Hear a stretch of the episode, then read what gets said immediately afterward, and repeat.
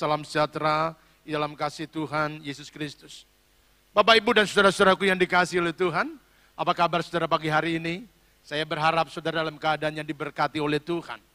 Sekalipun kita masih ada dalam keadaan yang sulit karena pandemi yang masih kita hadapi, dan kita juga tidak tahu kapan pandemi ini akan berakhir. Tapi kesulitan-kesulitan yang kita alami, kesukaran-kesukaran hidup yang terjadi, biarlah itu tidak membuat iman kita menjadi lemah. Tetapi sebaliknya, di tengah-tengah tantangan, di tengah-tengah kesukaran, itu merupakan kesempatan untuk kita terus maju di dalam Tuhan. Iman kita tetap bertumbuh, iman kita terus menjadi kuat di dalam Tuhan. Itulah sebabnya di pagi hari ini saya ingin mengajak kita untuk belajar sebuah kebenaran. Kalau saudara suka dengan sebuah judul khotbah, maka firman Tuhan pagi hari ini saya memberikan tema jalan buntu atau jalan baru. Jalan buntu atau jalan baru. Saudara-saudaraku di tengah-tengah pandemi yang terjadi pada hari-hari ini. Apakah ini merupakan jalan buntu buat kita? Atau ini merupakan kesempatan-kesempatan baru? Ada jalan-jalan baru yang Tuhan sedang bukakan. Ada jalan-jalan baru yang sedang Tuhan perlihatkan buat kita. Oleh karena itu mari kita belajar dari kebenaran firman Tuhan. Dalam kitab keluaran pasal yang ke-14, kita akan melihat sebuah kisah. Bahkan di tengah-tengah tantangan, di tengah-tengah kesulitan, di mana keadaan yang tidak memungkinkan, bahkan katakanlah itu jalan-jalannya tertutup, tetapi justru di tempat-tempat itu Tuhan membuka sebuah jalan yang baru. Saudara boleh membaca seluruh pasal ini, tapi pagi hari ini saya hanya ingin mengajak saudara untuk memperhatikan dari ayat yang ke-10 sampai dengan ayat yang ke-16.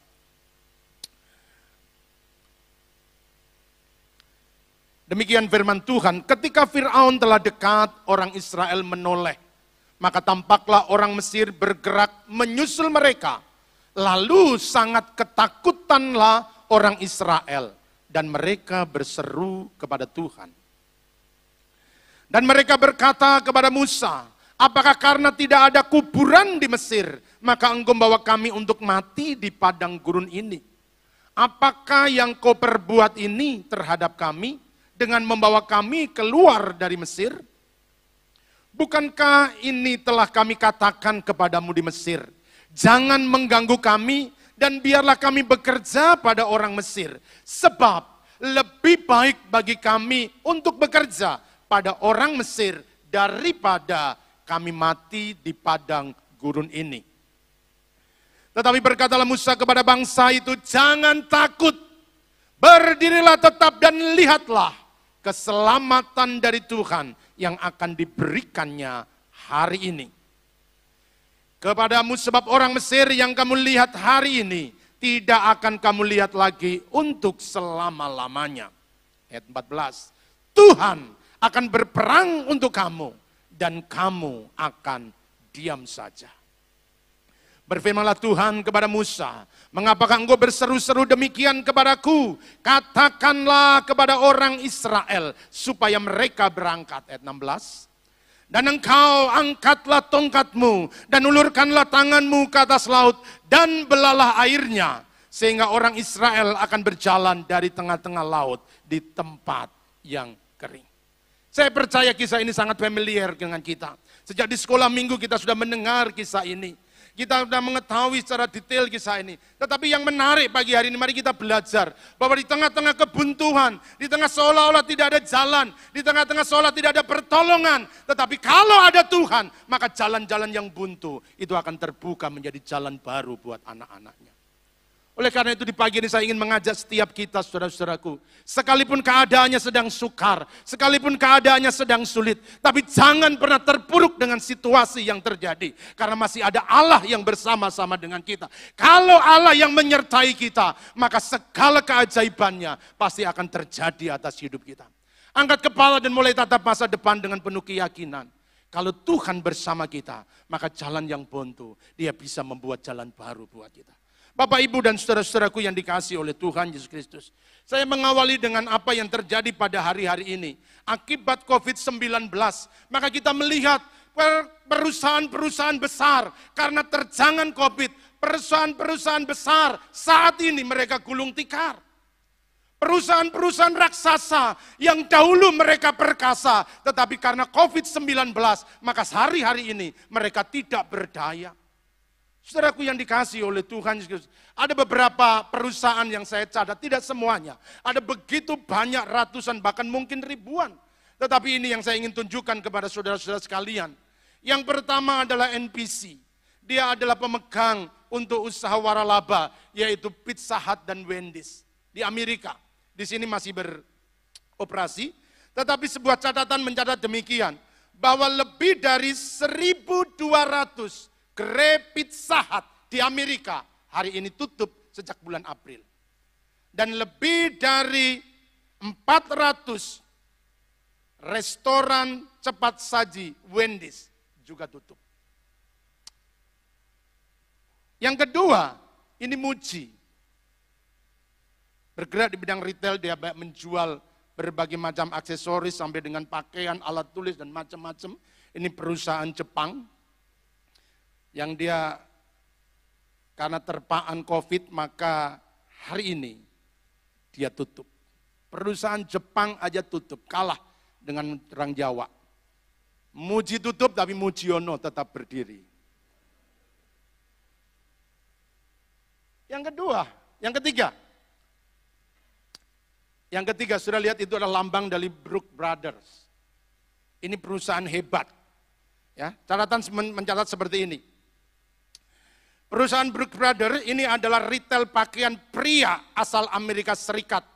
Perusahaan ini sudah berusia 200 tahun dan mendandani 40 lebih presiden Amerika.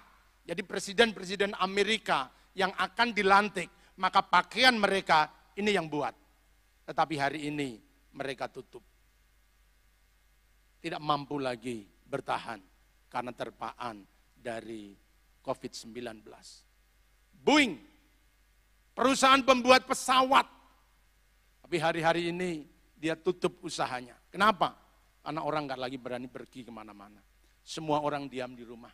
Pesawat menjadi tidak laku dan usahanya nggak ada yang membeli dia tutup. Air Asia, ya, yang dulu menjadi favorit untuk traveling, orang-orang pergi selalu cari Air Asia karena harganya murah, tetapi Air Asia pun hari ini tutup. Saudara-saudara Jikru, perusahaan retail Amerika juga, hari ini juga tutup. Nah ini perusahaan minyak, Diamond Offshore, ini juga tutup. Rolex, jam tangan mahal, keren.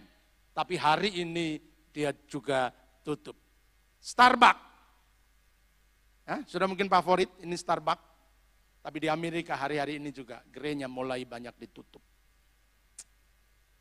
Hermes, nah saya coba-coba lihat Hermes sudah sendal jepit 5 juta. Wah salah gitu, sendal jepit 5 juta. Hebat, brand ternama, Orang-orang terkenal pakai Hermes. Ya, lambangnya itu pedati, karena memang kalau sudah lihat sejarahnya, pertama-tama Hermes itu bukan membuat tas, bukan membuat sepatu, tapi dia membuat pelana kuda. Tetapi hari ini dia tutup, yang menjadi kebanggaan orang.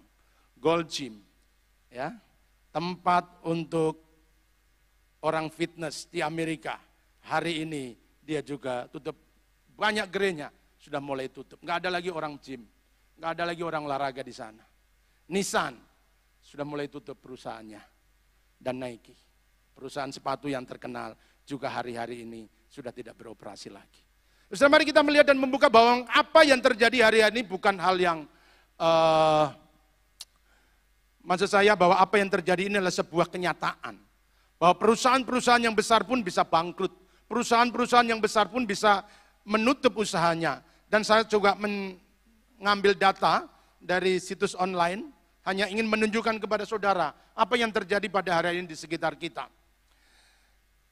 Kata data dia mencatat dengan 5 startup tutup layanan di Indonesia akibat pandemi.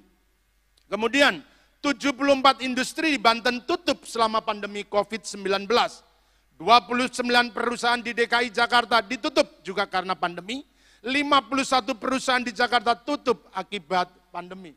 Saudara bisa googling dan sudah akan mendapatkan data yang lebih banyak lagi dari apa yang saya tampilkan di pagi hari ini.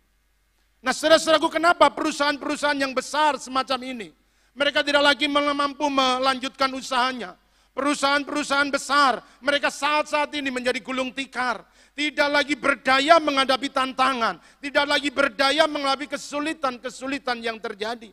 Bukankah dulunya mereka hebat? Bukankah dulunya mereka kuat? Bukan dulunya mereka jaya? Tapi hari-hari ini mereka tak berdaya menghadapi situasi-situasi yang terjadi.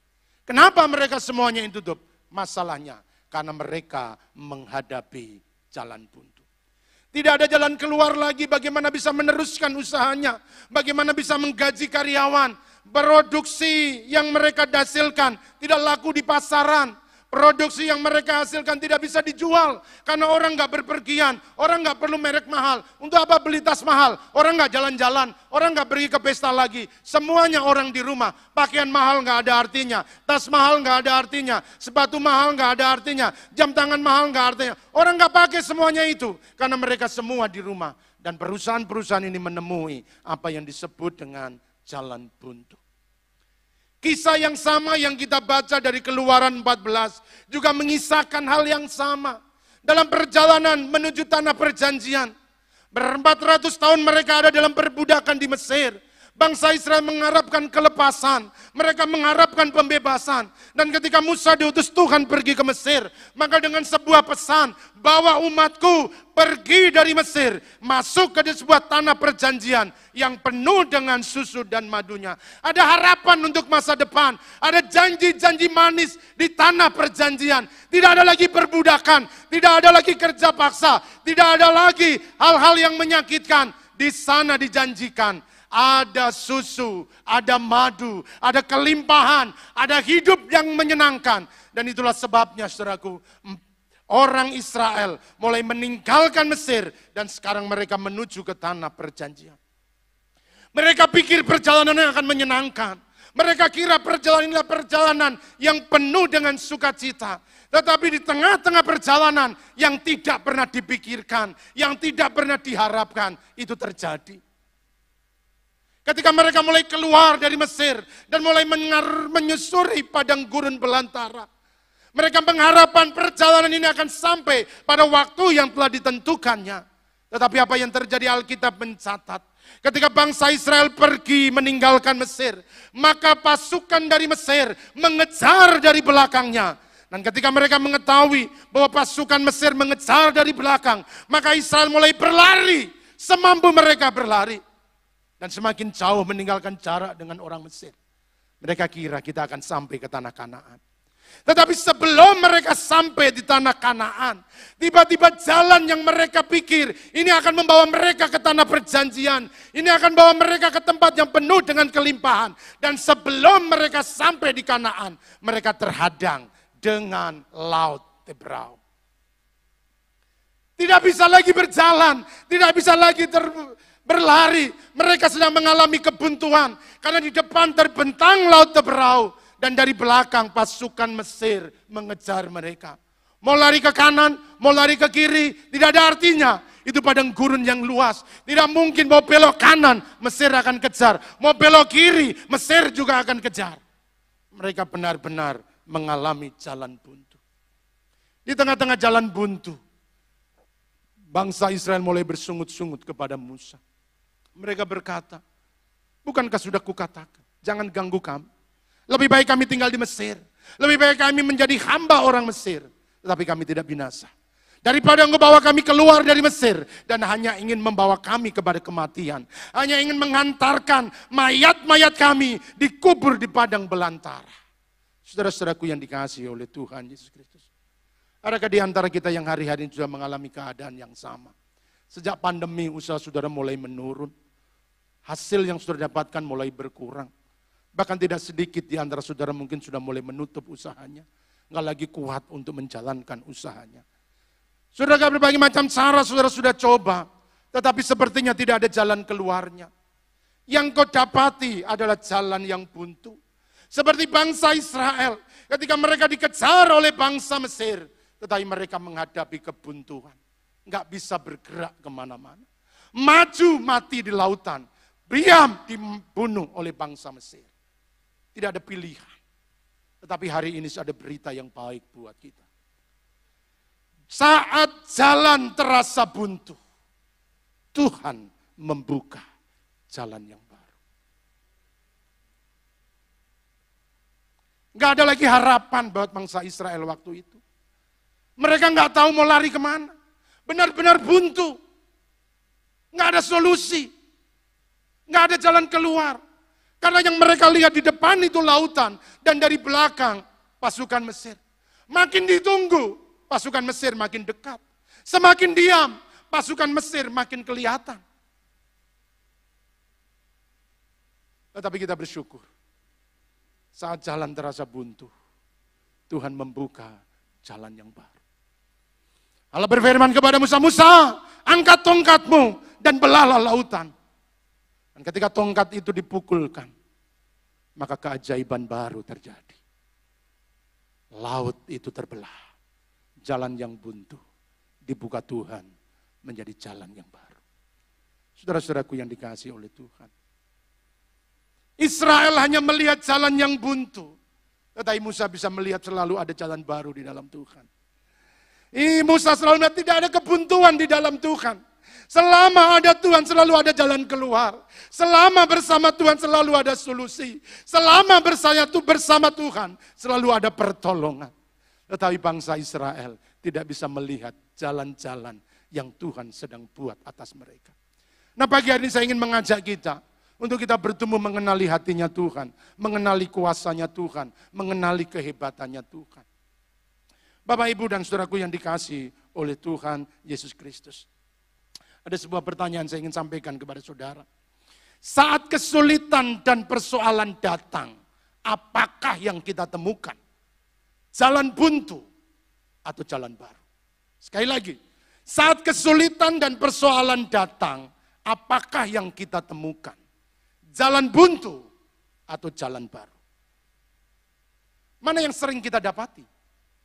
Apa ketika masalah datang, kesulitan datang, persoalan menerjang, apakah saudara sedang menemukan jalan buntu? Atau dengan penuh keyakinan sudah selalu mendapati jalan yang baru. Nah pagi hari ini mari kita akan melihat bagaimana sikap orang-orang yang selalu menemukan jalan baru di tengah-tengah kebuntuan. Bagaimana sikap orang-orang yang selalu mendapatkan jalan keluar di tengah-tengah keadaan-keadaan yang sukar. Bagaimana cara kita menemukan jalan yang baru? Mari kita pelajari bersama-sama. Yang pertama, inilah sikapnya Musa. Percayalah bahwa besarnya ukuran masalahmu tak melebihi besarnya ukuran Tuhanmu. Besarnya ukuran masalahmu tidak akan melebihi besarnya ukuran Tuhan. Musa itu meyakini masalahnya memang besar, tapi Musa selalu percaya bahwa Tuhan lebih besar. Mari kita melihat dalam ayat yang ke-13. Tetapi berkatalah Musa kepada bangsa itu, jangan takut, berdirilah tetap dan lihatlah keselamatan dari Tuhan. Yang akan diberikannya kepadamu hari ini. Sebab orang Mesir yang kamu lihat hari ini, tidak akan kamu lihat lagi untuk selama-lamanya. Saudara-saudaraku, orang-orang yang selalu menemukan jalan baru, mereka selalu melihat bahwa ukuran Tuhan selalu lebih besar dari masalah yang dihadapi. Tetapi kalau kita melihat masalahku yang besar dan bukan Tuhanku yang besar, maka yang kita temui adalah jalan buntu. Musa tahu, sebesar apa pun tantangan yang dihadapi, sesulit apa pun kesukaran yang dialami, dia percaya bahwa Tuhannya selalu lebih besar. Oleh karena itu pagi hari ini saudaraku, mari kita melihat dengan kacamata yang baru. Mari kita melihat dengan pandangan yang baru. Apa yang kita lihat, itu akan menentukan apa yang kita dapatkan. Apakah kita akan menemui jalan buntu, ataukah kita akan menemui jalan baru. Itu tergantung bagaimana cara engkau melihat. Kalau saudaraku yang dikasih oleh Tuhan, perhatikan, saya buat skema seperti ini, supaya sudah mudah untuk melihatnya. Ada orang yang melihat masalahnya yang besar. Problemnya yang dia lihat. kesulitannya yang dia lihat, tantangannya yang dia lihat. Dan inilah yang dilihat oleh bangsa Israel. Bangsa Israel hanya melihat tantangan, bangsa Israel hanya melihat kebuntuan, bangsa Israel hanya melihat kesulitan, bangsa Israel melihat persoalan yang mereka alami. Sehingga mereka berkata, ngapain engkau bawa kami keluar dari Mesir? Hanya untuk mati di padang belantara. Tetapi orang yang lain, dia bisa melihat bukan masalahnya yang besar. Tapi orang yang melihat sisi yang lain, dia melihat bahwa Tuhannya lebih besar. Dan Musa selalu melihat bahwa Tuhan yang mengutusnya, Tuhan yang telah mengirimnya untuk membawa keluar bangsa Israel dari Mesir lebih besar dari semua persoalan, semua kesulitan, semua tantangan yang dihadapi. Bangsa Mesir, bangsa Israel melihat masalahnya besar, tapi Musa melihat Allahnya yang besar. Dan apa yang terjadi? Ketika kita melihat masalah yang besar, maka yang akan terjadi adalah ketakutan. Tapi kalau kita melihat Tuhan kita yang besar, maka yang akan terjadi adalah iman. Perhatikan, kalau engkau hanya melihat masalahmu yang besar, maka ketakutanlah yang akan muncul. Tapi kalau kita melihat bahwa Tuhanku lebih besar, Tuhanku lebih ajaib, Tuhanku lebih berkasa, maka imanlah yang akan muncul dalam hidup kita. Dan apa yang terjadi? Kalau engkau lihat masalah besar, maka ketakutan akan muncul. Dan akhirnya yang kau dapatkan adalah jalan buntu. Bagaimana Pak? Tantangannya terlalu besar. Nggak ada lagi yang bisa kita lakukan. Kita hanya menemui jalan buntu. Nggak ada solusi, nggak ada jalan keluar. Tapi orang-orang yang selalu melihat bahwa Tuhannya lebih besar, maka imannya selalu menaik, imannya selalu berkembang. Dan ketika imannya berkembang, keyakinannya itu tumbuh, maka dia selalu menemukan jalan-jalan baru dalam hidupnya. Saudaraku yang dikasih oleh Tuhan. Sebab itu di pagi hari ini, mari kita merubah cara kita memandang situasi yang terjadi pada hari-hari ini. Orang-orang yang selalu melihat Tuhannya lebih besar, dia tidak pernah menghadapi kebuntuan. Kesulitan ya, kesukaran ya, tantangan ya. Mereka mengalami semuanya itu. Tetapi orang-orang yang melihat Tuhan yang lebih besar selalu menemukan jalan-jalan baru. Saudaraku yang dikasih oleh Tuhan, kalau hari-hari ini engkau sedang menemukan jalan yang buntu. Usahamu mulai buntu, pekerjaan tidak ada lagi. Semua yang engkau lakukan tidak ada jalan keluarnya. Mari kita memandang dari sisi yang berbeda. Engkau hanya melihat persoalan yang engkau alami. Engkau hanya melihat tantangan yang sedang engkau hadapi. Tapi hari ini mari engkau lihat bahwa kita punya Tuhan yang besar. Kita punya Tuhan yang lebih hebat. Tuhan yang perkasa. Dan bersama dengan Tuhan, lautan dia belah untuk menjadi jalan raya. Gak ada yang sulit buat Tuhan. Gak ada yang sukar buat Tuhan. Oleh karena itu jangan hanya lihat persoalan yang engkau hadapi. Tapi lihatlah Tuhan yang menyertai kita. Saudara-saudaraku yang dikasih oleh Tuhan. Iman itu adalah jalan pembuka bagi jalan yang baru. Orang-orang yang melihat Tuhannya yang besar, mereka punya iman, dan iman itulah yang akan membukakan jalan yang baru. Yohanes 11 ayat yang ke-40 berkata demikian. Jawab Yesus, bukankah sudah kukatakan kepadamu, perhatikan, Jikalau engkau percaya, engkau akan melihat kemuliaan Allah. Jikalau engkau percaya, engkau akan melihat kemuliaan Allah. Hanya imanlah yang akan membuka jalan-jalan baru buat kita. Kepercayaan kita kepada Tuhan itu yang akan memberikan jalan keluar untuk semua kebuntuan hidup yang sedang kita alami. Apa pun yang sedang buntu dalam hidup saudara hari ini. Apakah bisnis saudara sedang buntu, usaha saudara sedang buntu, pekerjaan saudara sedang buntu, keuangan saudara sedang buntu, hubungan saudara sedang buntu. Maka dengan iman pandanglah engkau punya Tuhan yang besar. Jikalau engkau percaya, engkau akan melihat kemuliaan. Musa tidak pernah tahu apa yang akan terjadi di hari depan. Musa nggak pernah tahu kalau nanti lautan itu akan dibelah.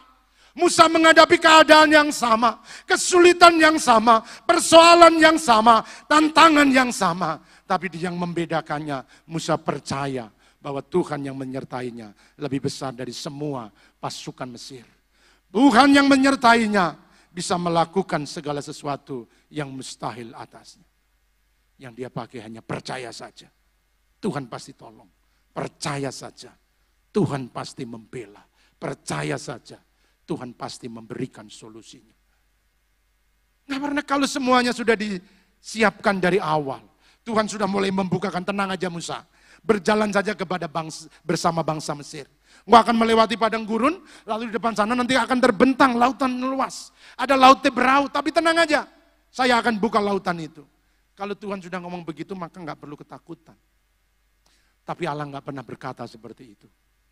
Allah menuntunnya dan Allah mengharapkannya percaya. Saudaraku yang dikasih oleh Tuhan. Barangkali hari-hari ini lautan masih bergelora. Saudara juga belum menemukan jalan keluar. Yang saudara hadapi hanya jalan buntu.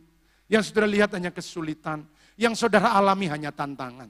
Tapi hari ini, gunakan percaya kita kepada Tuhan. Kalau lautan aja Tuhan bisa belah. Apa pun jalan-jalan buntu yang kau hadapi. Tuhan bisa membukanya buat kita. Orang-orang yang melihat Tuhannya lebih besar selalu menemukan jalan keluar alam hidupnya. Orang-orang yang selalu meyakini bahwa Tuhannya lebih besar, dia bisa melewati masa-masa yang sukar. Itulah sebabnya pagi hari ini, mana yang engkau lihat? Persoalanmu yang besar atau Tuhanmu yang besar. Kalau engkau lihat persoalanmu yang besar, maka engkau akan ketemu jalan buntu.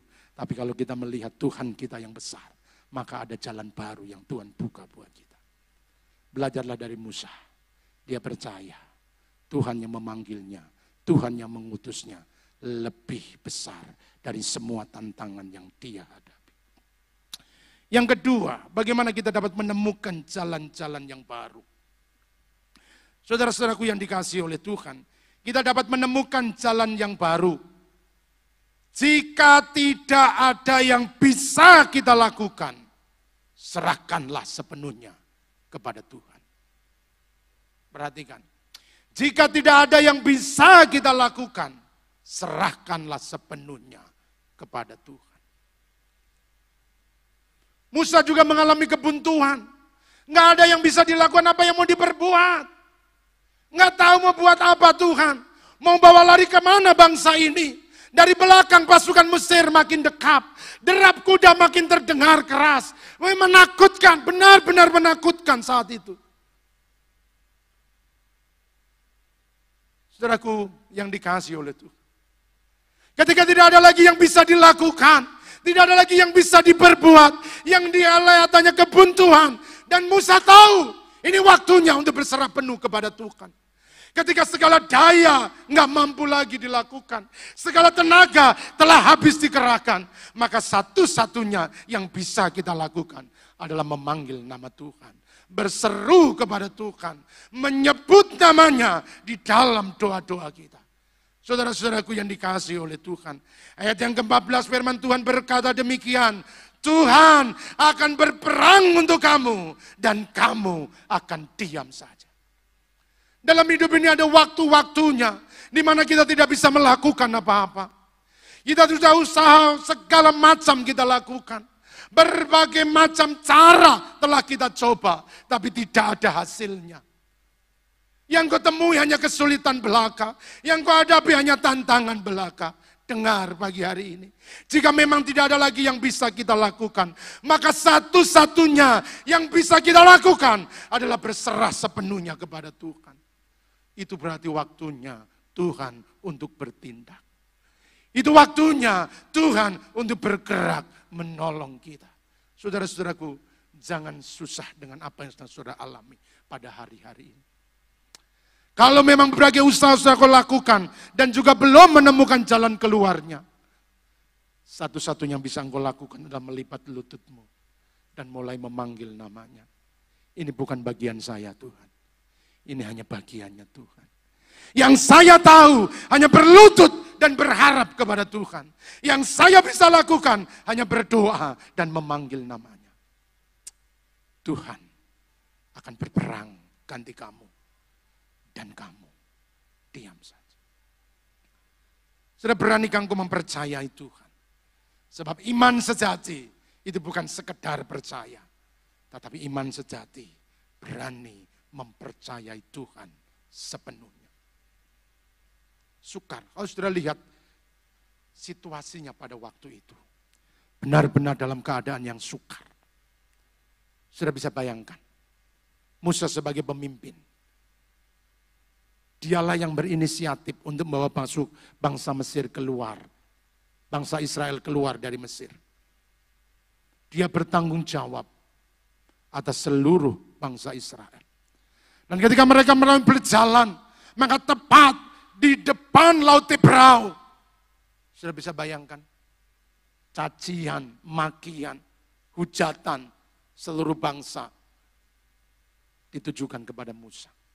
Semua mempersalahkan Musa. Keadaannya benar-benar terjepit pada waktu itu. Tidak ada lagi yang bisa dikerjakan oleh Musa. Mau perintah apa yang dia berikan? Mau bicara apa kepada bangsa Israel pada waktu itu? Benar-benar terjepit. Yang dia dengar hanya gerutuan. Untuk apa engkau bawa kami keluar? Bukankah ini yang kau inginkan? Supaya kau mati di padang gurun?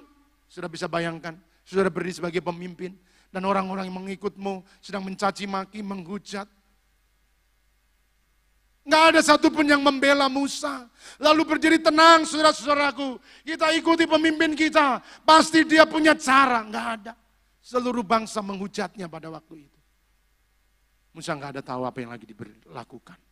Satu-satunya yang dia bisa lakukan adalah berseru kepada Tuhan. Dan ketika dia memanggil namanya, mengenai penuh keyakinan dia berkata, Tuhan akan berperang ganti kamu. Dan kamu diam saja. Saudara-saudaraku yang dikasih oleh Tuhan. Kadang-kadang kita tidak menemukan jalan keluar. Karena kita terlalu mengandalkan kekuatan kita. Kita pikir dengan pengalaman-pengalaman kita. Kita masih mampu untuk mengatasi kesulitan. Kita pikir dengan kemampuan yang kita miliki, dengan pikiran otak yang kita miliki, kita mampu untuk mengatasi semua kesulitan yang sedang terjadi. Lihatlah perusahaan-perusahaan sudah saya daftarkan. Bukan mereka percaya pada waktu itu. Bukan mereka adalah perusahaan-perusahaan raksasa pada waktu itu. Tetapi seluruh pengalaman, seluruh aset yang mereka miliki, kekuatan keuangan yang mereka miliki, nggak mampu untuk mengatasi semua kesulitan. Saudaraku yang dikasih oleh Tuhan, itu berarti waktunya untuk menundukkan diri kita kepada kehendak dan kedaulatannya Tuhan. Lipatkan lutut dan mulai datang kepadanya. Dengar arahannya, dengar tuntunannya. Dan ketika Musa mendengar tuntunannya, maka keajaiban terjadi. Bapak, Ibu, dan saudara-saudaraku yang dikasih oleh Tuhan Yesus Kristus. Perhatikan kembali. Musa dan bangsa Israel sama-sama melihat masalah. Bangsa Israel yang dipimpin melihat masalah. Ada pasukan Mesir dari belakang. Laut Tebrau terbentang di depan. Musa juga melihat hal yang sama. Masalah yang sama yang dihadapi. Pasukan dari Mesir mengejar dari belakang. Dan terbentang Laut Tebrau di depannya. Sama-sama melihat masalah. Tapi bedanya, bangsa Israel menyerah. Tidak ada harapan, tidak ada jalan keluar, tidak ada solusi. Tapi Musa memilih untuk berserah kepada Tuhan. Orang-orang yang menyerah, mereka akan menemukan jalan buntu. Tapi orang-orang yang berserah, mereka akan menemukan jalan yang baru. Mana yang saudara pilih? Dengan kesulitan apa saudara menyerah? Nggak ada solusi Pak. Nggak ada jalan keluar Pak. Sudah banyak yang kita lakukan. Sudah banyak yang kita usahakan tapi semua habis. Tabungan udah terkuras habis. Modal semua udah habis. Bahkan lagi nggak bisa lagi dikerjakan. Apa sudah akan memilih berserah? Tuhan, semua memang sudah diupayakan. Tapi hari ini aku berserah kepadamu. Karena kami percaya Tuhan selalu punya keajaiban.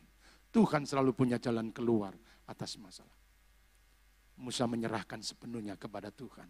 Dan dia percaya Tuhan akan berperang ganti kamu dan kamu akan diam saja. Saudara, kenapa kita perlu berserah kepada Tuhan? Sebab firman Tuhan berkata demikian.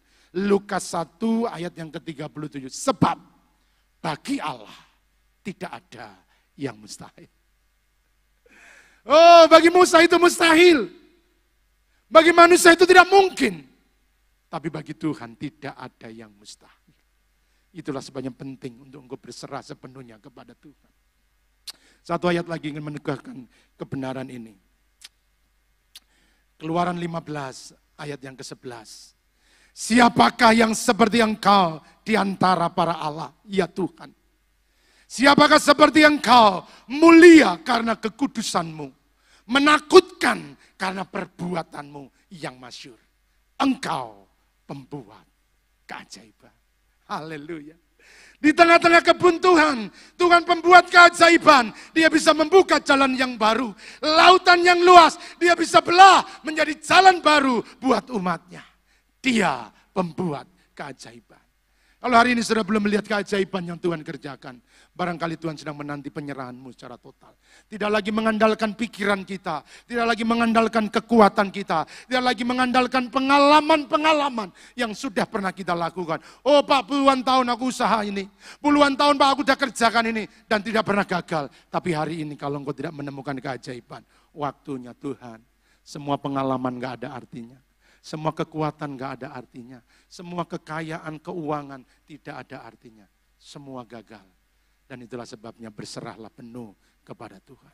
Saudara-saudaraku yang dikasih oleh Tuhan, Alkitab mencatat bahwa orang-orang yang berserah kepada Tuhan selalu mendapatkan keajaiban. Orang-orang yang berserah kepada Tuhan, mereka selalu mendapatkan jalan keluar bersama dengan Tuhan. Ada beberapa contoh saya ingin sampaikan pagi hari ini. Yang pertama adalah Raja Hizkia ketika dia mendapat tantangan dari musuh dengan pasukan yang sangat besar jumlahnya.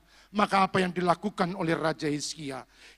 Dua Raja-Raja pasal 19 ayat yang ke-14. Hizkia menerima surat itu dari tangan para utusan. Lalu membacanya. Kemudian pergilah ia ke rumah Tuhan dan membentangkan surat itu di hadapan Tuhan. Ada musuh besar yang sedang mengancam Hizkia dan kerajaannya. Jumlahnya nggak sebanding dengan pasukan yang dimiliki Hizkia. Rasanya nggak mungkin bisa maju perang, nggak mungkin bisa mengalahkan. Dan ketika dia melihat ketidakmungkinan, maka satu-satunya cara yang dia bisa lakukan, pergi ke rumah Tuhan, membentangkan surat itu di hadapan Tuhan dan menyerahkan Tuhan. Kami nggak bisa, Tuhan, kami nggak mampu, Tuhan, kami nggak kuat. Dan ketika dia mulai menyerahkan Tuhan, maka keajaiban terjadi. Tuhan berperang dan menggantikan bangsa Israel. Saudara-saudaraku yang dikasih oleh Tuhan Yesus Kristus. Yang kedua, kita melihat orang-orang yang menyerah penuh kepada Tuhan adalah Hana. Dalam kitab 1 Samuel 1 ayat 19, ayat 9 dan 10. Suatu kali setelah mereka habis makan dan minum di Silo, berdirilah Hana, sedang Imam Eli duduk di kursi dekat tiang pintu bait suci. Perhatikan ayat 10. Dan dengan hati pedih, ia berdoa kepada Tuhan sambil menangis terseduh-seduh. Saudara kita tahu kisahnya Hana. Bertahun-tahun dia menikah dengan Elkana dan tidak dikarunia anak. Tetapi seorang kundiknya yang bernama Penina diberikan kepada suaminya dan darinya lahir seorang anak. Ketika itulah Penina selalu menyakiti hati Hana. Hatinya terlalu tersayat, hatinya selalu sedih. Karena tidak ada lagi cara bagaimana dia bisa mendapatkan anak. Dan apa yang dilakukan. Ketika dia pergi ke rumah Tuhan, kita pergi ke rumah Tuhan. Maka dengan hati yang pedih, ia berdoa kepada Tuhan sambil menangis terseduh-seduh. Hana benar-benar menyerahkan semua kepahitan hidupnya, semua kesedihan, semua rasa sakit yang dia alami dan menyerahkan sepenuhnya kepada Tuhan. Dan ketika dia menyerahkan penuh kepada Tuhan, maka Alkitab mengisahkan tahun depan ia kembali dan memiliki seorang anak laki-laki yang bernama Samuel. Saudara-saudaraku yang tidak mungkin dilakukan oleh manusia, selalu mungkin dikerjakan bersama dengan Tuhan. Yang tidak bisa kita lakukan dengan tangan dan otak kita, tetapi lutut kita masih mampu untuk melakukannya. Itulah sebabnya berserahlah sepenuhnya kepada Tuhan. Dengan pedih hati, Hana berdoa dan menangis terseduh-seduh kepada Tuhan. Saudara-saudara ketika beban hidupmu terasa sangat berat. Tantangan yang kau hadapi terasa begitu besar. Tidak ada lagi kekuatan untuk engkau menanggungnya. Sekali lagi saya mau sampaikan, engkau masih bisa berseru kepada Tuhan. Menangislah kepada Tuhan. Berserulah kepada Tuhan. Biarlah di hadapan hadirat yang kau curahkan isi hatimu. Seperti yang dilakukan oleh Hana. Dengan pedih hati, ia berdoa kepada Tuhan. Sambil menangis terseduh-seduh. Dan Tuhan mendengarnya. Sekalipun tidak ada kata-kata yang terucap dari mulutnya. Hanya tetesan air mata yang keluar dari matanya. Tapi Tuhan mengetahui isi hatinya. Tuhan mengerti kepenatannya. Tuhan mengerti beban yang dia tanggungnya. Tuhan mengerti kesedihan yang dipikulnya. Bapak, Ibu, dan saudaraku yang dikasih oleh Tuhan Yesus Kristus. Ketika mulutmu tidak lagi bisa berbicara kepada Tuhan. Menangislah di dalam doa. Sebab air mata adalah kata-kata saat mulutmu tak bisa berbicara. Tuhan tidak pernah mengabaikan air mata. Air mata orang-orang yang berserah kepada Tuhan selalu berharga di matanya. Tuhan bisa membaca setiap tangisan yang kau naikkan kepada Tuhan. Tuhan bisa mengerti setiap tetesan air mata yang kau keluarkan di ruang-ruang doa yang kau naikkan siang dan malam. Penyerahanmu kepada Tuhan akan menentukan jalan baru yang akan dibuka Tuhan atas hidupmu. Mazmur 37 ayat yang kelima.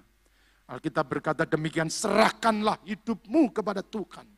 Dan percayalah kepadanya. Maka ia akan bertindak. Bapak, Ibu, dan saudaraku yang dikasih oleh Tuhan. Hari ini kalau engkau belum lihat Tuhan bekerja dan bertindak atas hidupmu. Serahkanlah sepenuhnya kepada Tuhan. Dan percayalah. Dia akan bertindak. Amin. Saya tidak tahu apa yang sedang saudara hadapi. Tapi hari ini Tuhan menuntut keyakinan dan penyerahan kita sepenuhnya kepada Tuhan. Yang ketiga, bagaimana kita bisa menemukan jalan yang baru. Perhatikan, yang ketiga begini bro. Jalan terbuka saat kita bergerak maju bersamanya. Perhatikan, jalan terbuka saat kita bergerak maju bersamanya. Tengah-tengah kesulitan jangan diam. Lakukan apa pun yang bisa engkau lakukan. Karena jalan baru itu terbuka saat engkau bergerak bersamanya. Kita lihat ayat yang keempat, 15. Berfirmanlah Tuhan kepada Musa, mengapa engkau berseru-seru demikian kepadaku? Katakanlah kepada orang Israel, supaya mereka berangkat. Saudara-saudara, kira-kira saya membayangkan Musa, hebat sekali ini Musa. Ini bukan hal yang mudah. Benar-benar ini keberanian yang sangat luar biasa.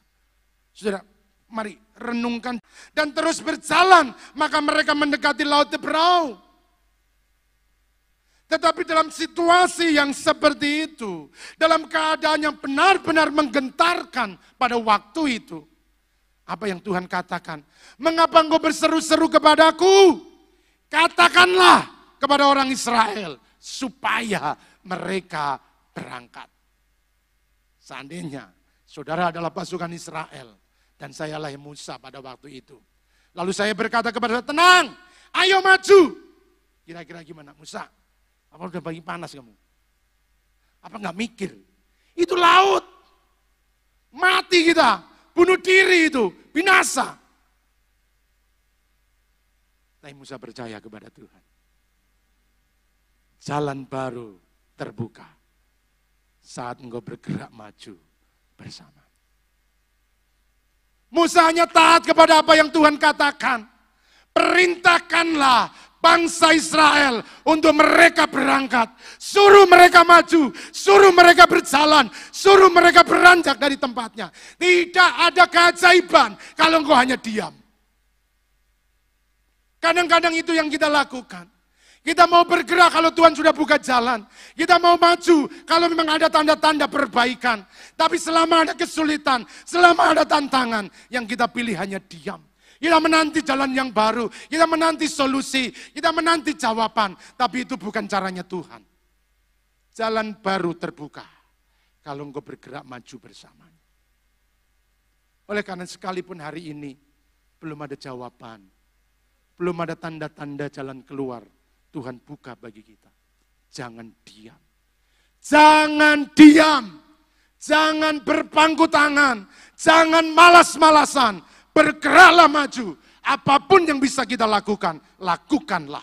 Maka di sana engkau akan melihat keajaiban-keajaiban. Apa pun itu. Barangkali usaha yang kau lakukan hanya kecil-kecilan. Tidak apa-apa. Tuhan bisa membuat keajaiban. Tapi selama engkau diam, engkau hanya menanti keajaiban. Engkau menanti langit terbuka. Engkau hanya menanti awan ini hilang. Tidak pernah melihat keajaiban. Orang-orang yang selalu menantang tantangan. Orang-orang yang selalu melewati persoalan. Dan di sana mereka akan melihat jawaban dan pertolongan yang dari Tuhan. Saudara-saudaraku yang dikasih oleh Tuhan. Pengutbah pernah berkata demikian. Kalau engkau hanya memperhatikan angin dan awan. Engkau tidak akan pernah menabur. Karena kita selalu ingin melihat cerah enggak nih. Menguntungkan enggak ini. Bisa dijalankan enggak ini. Dan itulah sebabnya kita tidak pernah menabur. Kalau kita nggak pernah menabur, maka kita tidak akan pernah menuai. Saudaraku saya tulis seperti ini, dan bisa memberkati saudara. Orang yang meyakini tidak ada jalan buntu akan terus berjalan maju sampai menemukan keajaiban yang baru. Orang-orang yang meyakini tidak ada jalan buntu akan terus berjalan maju sampai menemukan keajaiban baru. Berani kanggo mulai melangkah sekalipun di, di depan terbentang lautan yang menangkutkan. Berani kanggo mulai bertindak sekalipun persoalan dan tantangan masih menghadang langkah kita. Orang-orang yang meyakini tidak ada jalan buntu, dia akan terus berjalan maju sampai menemukan keajaiban yang baru. Saudaraku yang dikasih oleh Tuhan Yesus Kristus. Semua tergantung dari hidup kita. Semua tergantung dari saudara. Apakah saudara berani berjalan maju bersama dengan Tuhan? Maka di sana kita akan melihat jalan keluar. Perhatikan, saya kutip ini. Silahkan diklik sekali lagi. Gembok tidak diciptakan tanpa kunci. Pernah beli gembok tanpa ada kuncinya? Enggak. Gembok diciptakan selalu disertai kunci. Dan percayalah bahwa tidak ada persoalan yang tanpa jalan keluar. Tidak ada persoalan yang tanpa ada jalan keluar. Sesulit apa pun persoalan yang kita hadapi, selalu ada jalan keluar. Seberat apa pun tantangan yang engkau hadapi, selalu ada jalan keluarnya. Percayalah. Saudaraku 1 Korintus 10 ayat 13 ayat yang sangat terkenal. Tetapi ini meneguhkan kita Pencobaan-pencobaan yang kamu alami ialah pencobaan-pencobaan biasa yang tidak melebihi kekuatan manusia.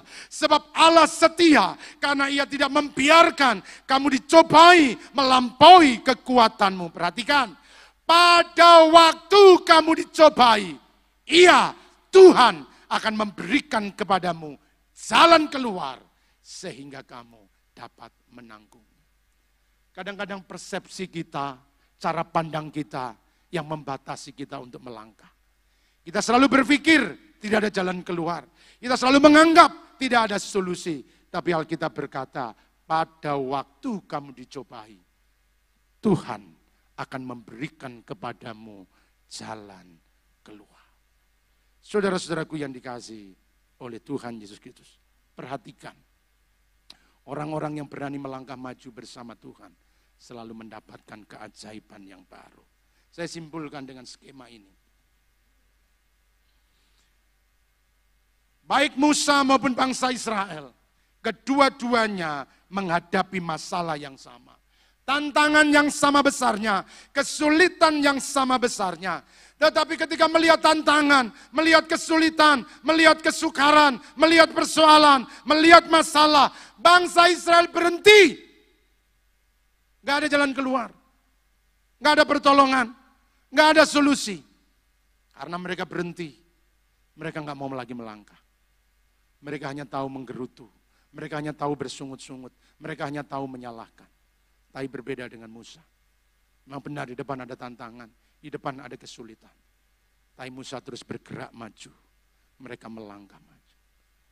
Ketika Israel berhenti melangkah, maka yang dilihat hanya jalan buntu, yang dilihat hanya persoalan, yang dilihat hanya kesukaran, tidak ada solusi, tidak ada jalan keluar. Tapi orang-orang yang melangkah maju, mereka selalu mendapatkan jalan yang baru. Mustahil lautan bisa dibelah. Tetapi orang-orang yang berjalan maju bersama dengan Tuhan. Mereka yang berani melangkah di tengah-tengah kesukaran. Maka mereka selalu mendapatkan jalan yang baru. Yang tidak pernah dipikirkan, yang tidak pernah dibayangkan, yang tidak pernah dia angan-angankan sebelumnya. Dan Tuhan bisa membuat keajaiban. Oleh sebab itu Bapak Ibu dan Saudaraku yang dikasih Tuhan, melangkahlah bersama dengan Tuhan. Jangan takut dengan tantangan, jangan takut dengan kesulitan. Kita kalau cuma diam, kita tidak akan melihat pertolongan. Kalau kita hanya diam, kita tidak akan melihat jalan keluar Tuhan nyatakan. Tapi orang-orang yang berani melangkah di tengah-tengah kesukaran, orang-orang yang berani melangkah bersama dengan Tuhan, mereka akan terus melihat jalan baru dibukakan buat kita. Oleh sebab itu apa pun yang kau hadapi hari ini, pastikan aku nggak boleh diam. Aku harus bergerak Aku harus melangkah. Memang berat, ya. Memang sulit, ya.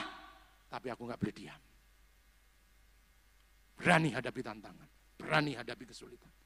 Sebagai hamba-hamba Tuhan di tempat ini kami menyadari. Hari-hari memang lagi dalam keadaan sulit. Banyak orang mulai bercerita, banyak orang mulai minta doa. Dan memang itulah keadaan. Tapi diam bukanlah menjadi solusi. Diam bukanlah menjadi jalan keluar. Yang dibutuhkan adalah keberanian untuk menghadapi tantangan. Keberanian untuk melangkah bersama dengan Tuhan. Kalau engkau berani melangkah bersama dengan Tuhan, maka ada jawaban, ada persoalan, ada kemenangan atas persoalan, ada jalan keluar atas setiap tantangan yang engkau hadapi. Sekali lagi jangan diam, melangkahlah bersama dengan Tuhan. Saudaraku yang dikasih oleh Tuhan Yesus Kristus. Ada sebuah ayat dalam kitab Ibrani pasal yang ke-10. Ayat 19 sampai yang ke-20. Slide yang terakhir saya ingin sampaikan ini kepada saudara untuk meneguhkan kebenaran ini. Dan kita saya ingin ajak saudara untuk baca ayat ini bersama-sama. Ibrani 10 ayat 19 sampai ayat yang ke-20. Mari kita baca bersama-sama. Satu, dua, tiga. Jadi saudara-saudara, oleh darah Yesus, kita sekarang penuh keberanian dapat masuk ke dalam tempat kudus. Karena ia telah membuka jalan baru dan yang hidup bagi kita melalui tabirnya, yaitu dirinya sendiri. Saudaraku yang dikasih oleh Tuhan. Kalau jalan surga Tuhan bisa buka melalui dirinya. Apalagi jalan hidup saudara. Yang tidak mungkin engkau buka Tuhan bisa untuk membukanya. Yang sulit, tidak ada manusia yang bisa membuka jalan ke surga. Tidak ada kebaikan yang bisa membuka jalan ke surga. Tidak ada pemimpin agama yang bisa membuka jalan ke surga. Tidak ada nabi, rasul yang bisa membuka jalan ke surga. Yang sukar sekalipun, Tuhan Yesus bisa buka. Apalagi jalan usaha saudara. Jalan-jalanmu yang sedang tertutup, Tuhan bisa buka. Sebab itu percayalah penuh kepada Tuhan. Tuhan memberkati.